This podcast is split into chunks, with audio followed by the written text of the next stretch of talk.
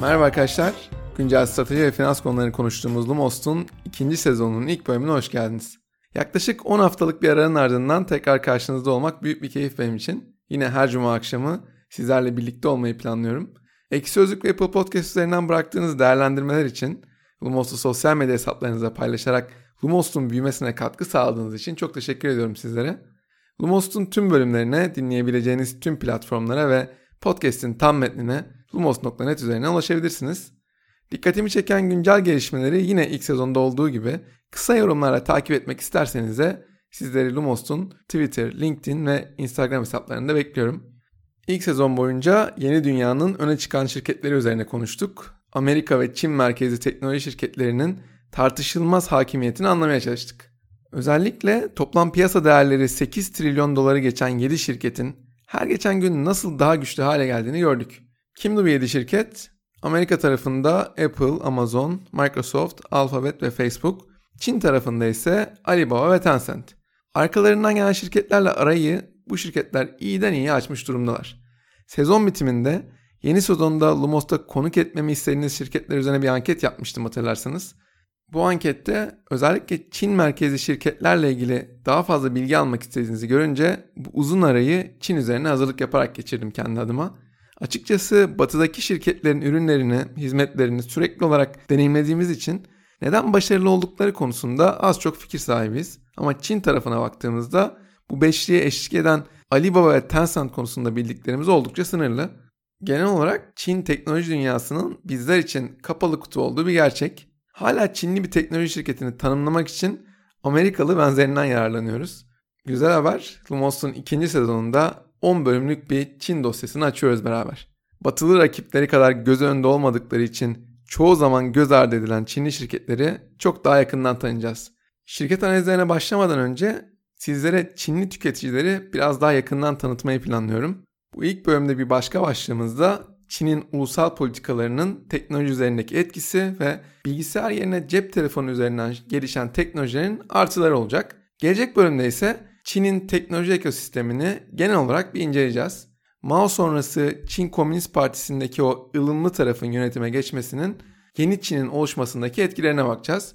Jack Ma, Pony Ma, Robin Lee, Lei Jun, Ding Lei gibi bugün isimlerini sürekli duyduğumuz şirket kurucularının birbirleriyle olan ilişkisini anlamaya çalışacağız.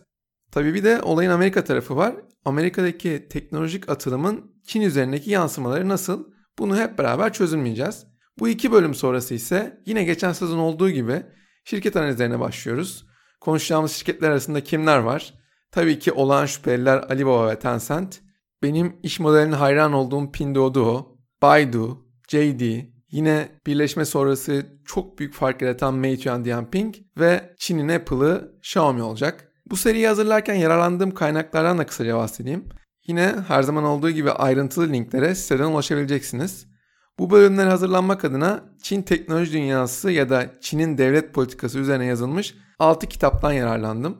Bunlar Rebecca Fenney'nin Tech Titans of China ve Silicon Dragon isimli kitapları, Edward Sain'in China's Disruptors isimli kitabı, Kai Fu Lee'nin AI Superpowers isimli kitabı, Elizabeth Economy'nin The Third Evolution isimli kitabı ve son olarak Amy Webb'in The Big Nine isimli kitabı oldu. Yine her zaman olduğu gibi podcastler ve bloglar bana çok yol gösterici oldular. TechNote ve Tech in Asia'da üretilen değerli içeriklerden yararlandım. E, podcastler adına da Tech Buzz China, Inside China Tech, Beyond the Valley, 996 ve Acquired'da Çin üzerine çok şey öğrendiğim yayınlar oldular. Bu uzun girizgah sonrası hadi yavaş yavaş podcast'e başlayalım.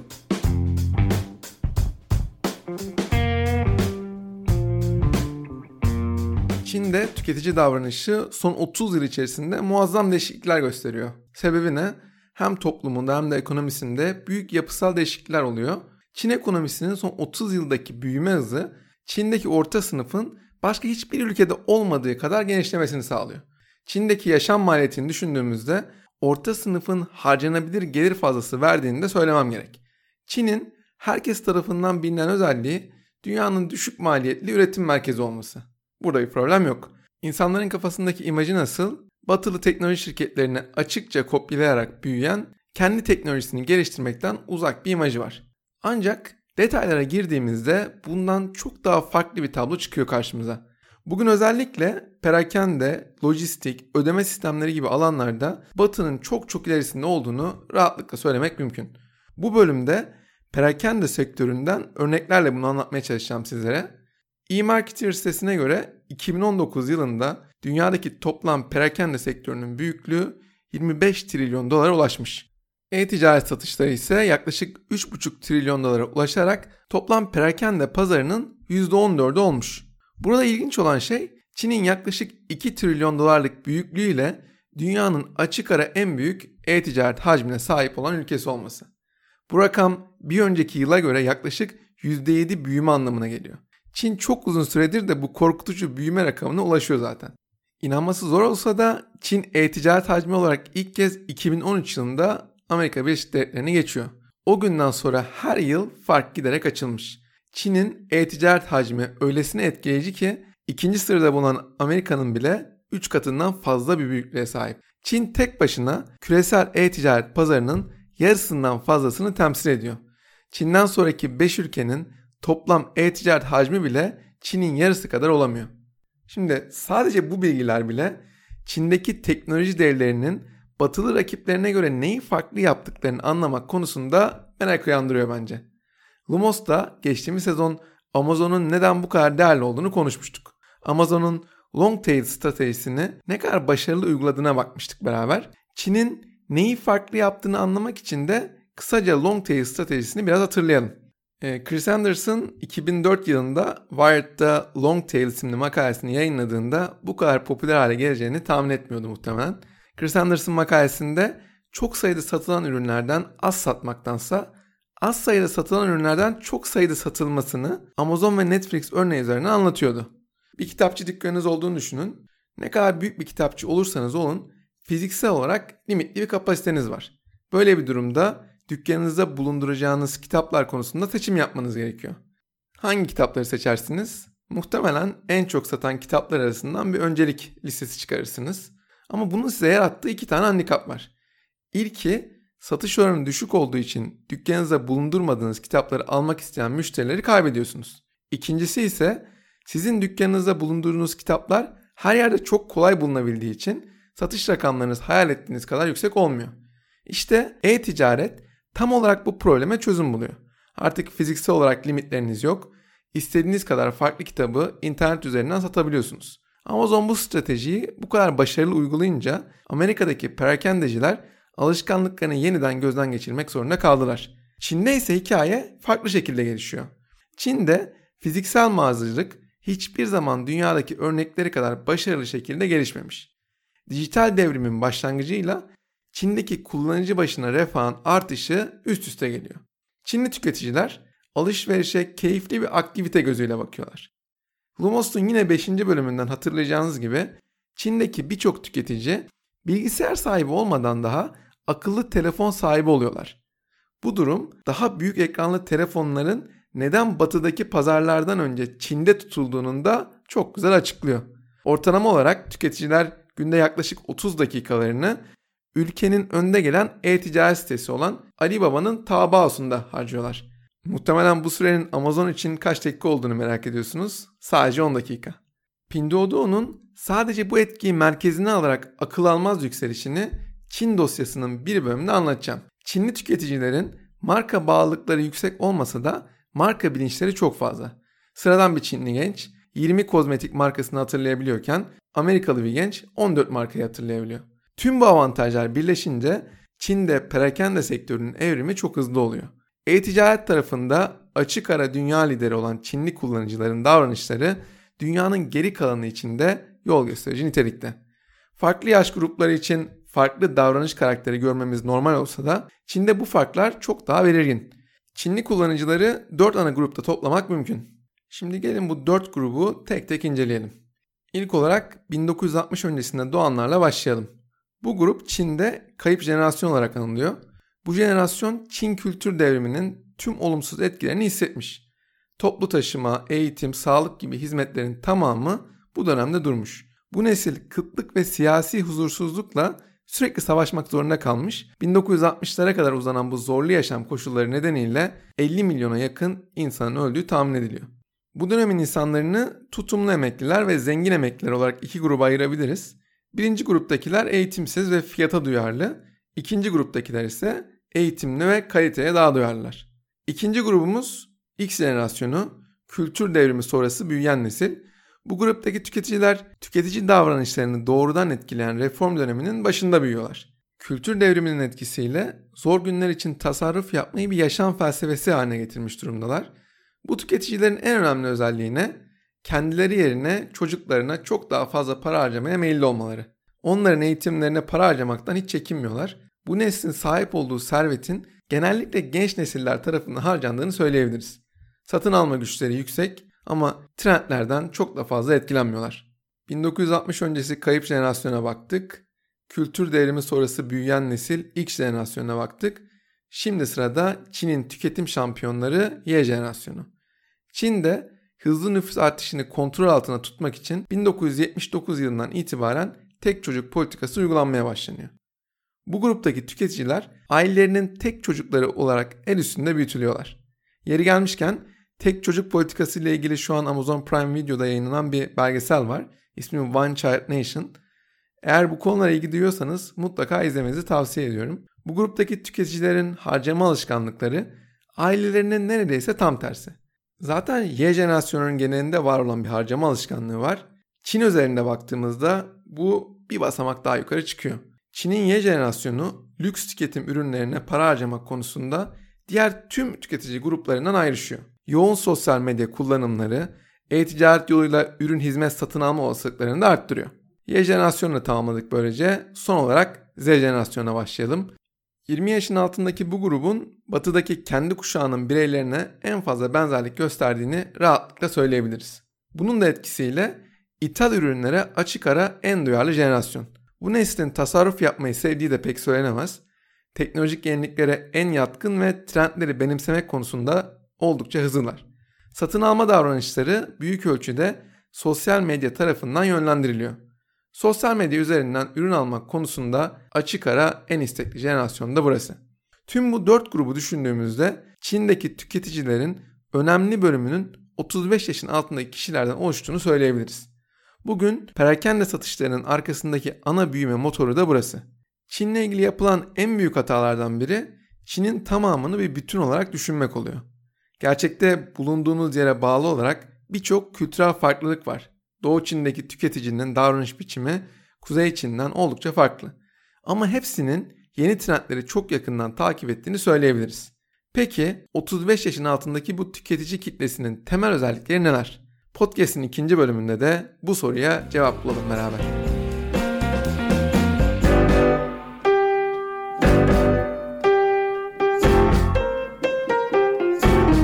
Bu grubun ilk temel özelliği anında tatmin isteği. İngilizcesi instant gratification olan bu kavram dünyanın her yerinde çok popüler şu an ama Çinli tüketiciler arasında bir miktar daha yaygın. Ekşi Sözlük'te bu kavramı markette cipsi aldıktan sonra ödeme yapmadan açarak yemeye başlama örneği üzerinden anlatmışlar ki bence de oldukça başarılı. Çinli tüketiciler keyfi kesinlikle geciktirmek istemiyorlar. Çin'de Y ve Z jenerasyonunun sadece %22'si ertesi gün teslimattan memnun. Bu kullanıcıların %25'i internetten aldıkları ürünün 2 saatte ya da yarım gün içinde teslim edilmesini istiyor. Peki anında tatmin isteğini kim fırsata çevirebilir? Evet cevabınız doğru. Sosyal medya şirketleri. Örneğin WeChat'te önlerine düşen bir ürünü WeChat'ten ayrılmadan tek tuşla anında satın alabiliyorlar. Xiaohongshu ya da Little Red Book diyebiliriz. Tamamen bu özellik üzerinden kurgulanmış durumda. Daha önce de söylediğim gibi alışverişi eğlenceyle bu kadar iç içe geçiren başka bir toplum daha yok. Diyelim ki Çin'de bir dizi izliyorsunuz ve ana karakterin giydiği elbiseyi çok beğendiniz.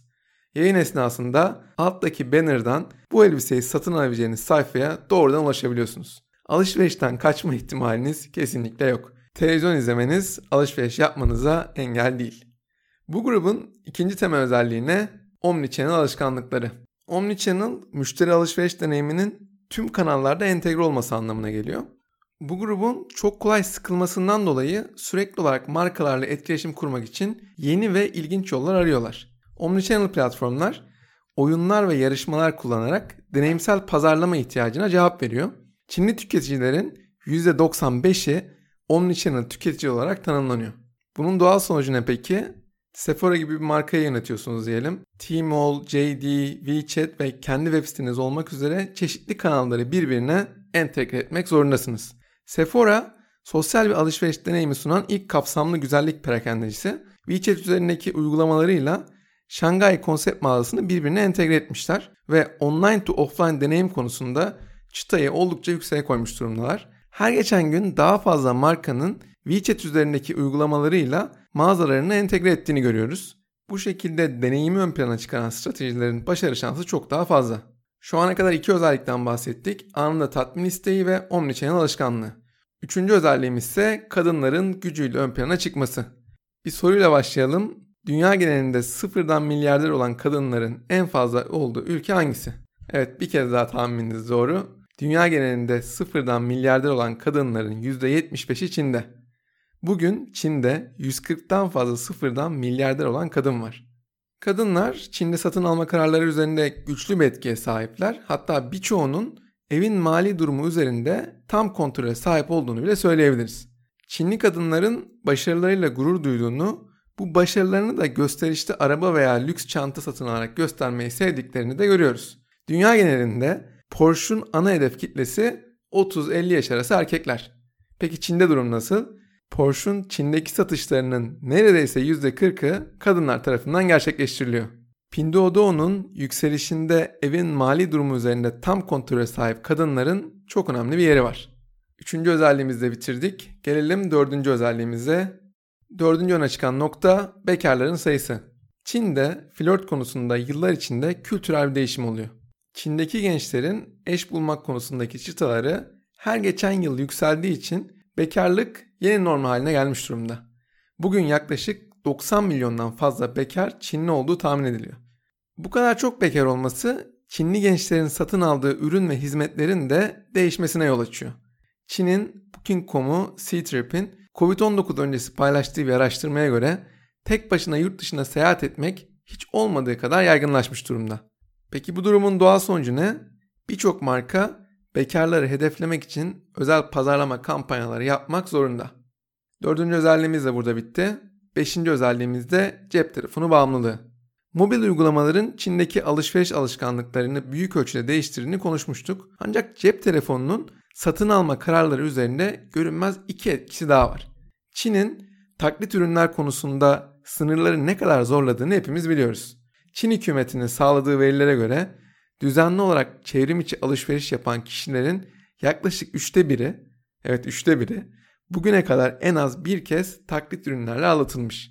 İnsan dolandırılma tehlikesine bu kadar yakın olunca ister istemez her ürüne şüpheyle yaklaşıyor. Bu bizim çok alışık olduğumuz bir sorun değil.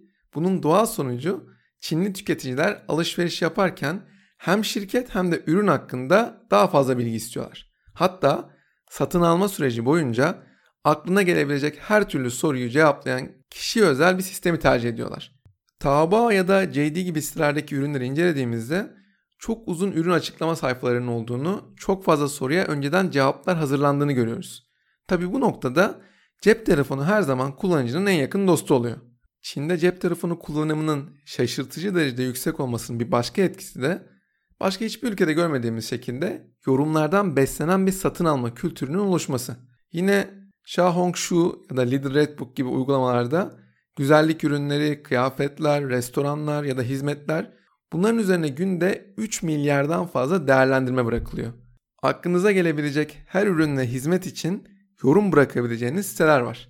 Bunun daha sonucu satın alma kararında değerlendirmelerin etkisinin en fazla hissedildiği ülke Çin. Beşinci özelliğimizin de sonuna geldik. Sırada imajınızın yarattığı etki var. Çin imajınızın en önemli olduğu ülkelerden biri. Batıdaki lüks markaların Çin'de bu kadar popüler olmasının temelinde kullananlara imaj anlamında sağladığı katkının çok büyük bir etkisi var. Tüketiciler kullandıkları ürünü gösterebilmek adına genellikle çok büyük logolu ürünleri tercih ediyorlar. Çinli tüketicilerin ürünlerin ambalajına çok daha önem verdikleri de kesin. Çinli tüketiciler için mağazadan ürünü aldıklarında taşıdıkları paketin bile büyük bir önemi var. Ürün ne kadar kaliteli olursa olsun kötü bir pakete sahipse çok da fazla şansı yok. Bu ana kadar 6 özellikten bahsettim. Anında tatmin isteği, omnichannel alışkanlığı, güçlü kadın, bekarlık, cep telefonu bağımlılığı ve imaj. Son özelliğimiz ise gelenekçi olmaları. Kulağa biraz tutarsız geldiğinin farkındayım ama bu kullanıcılar oldukça gelenekçiler. Çin'de tüketiciler batılı markalara çok değer verseler de onların geleneklerine saygı göstermediklerini fark ettiklerinde anında silebiliyorlar. Eğer Çin'de marka olarak başarılı olmak istiyorsanız öncelikle Çin kültürünü doğru şekilde anlamanız gerekiyor. Bununla beraber ilk bölümü yavaş yavaş tamamlayalım. Bu bölümde Çinli tüketicilerin genel özelliklerini biraz daha yakından tanıdık. Gelecek bölümde ise Çin'in teknoloji ekosistemine bir bakış atacağız ve Mao sonrası yeni Çin'i genel olarak inceleyeceğiz. Haftaya görüşmek üzere.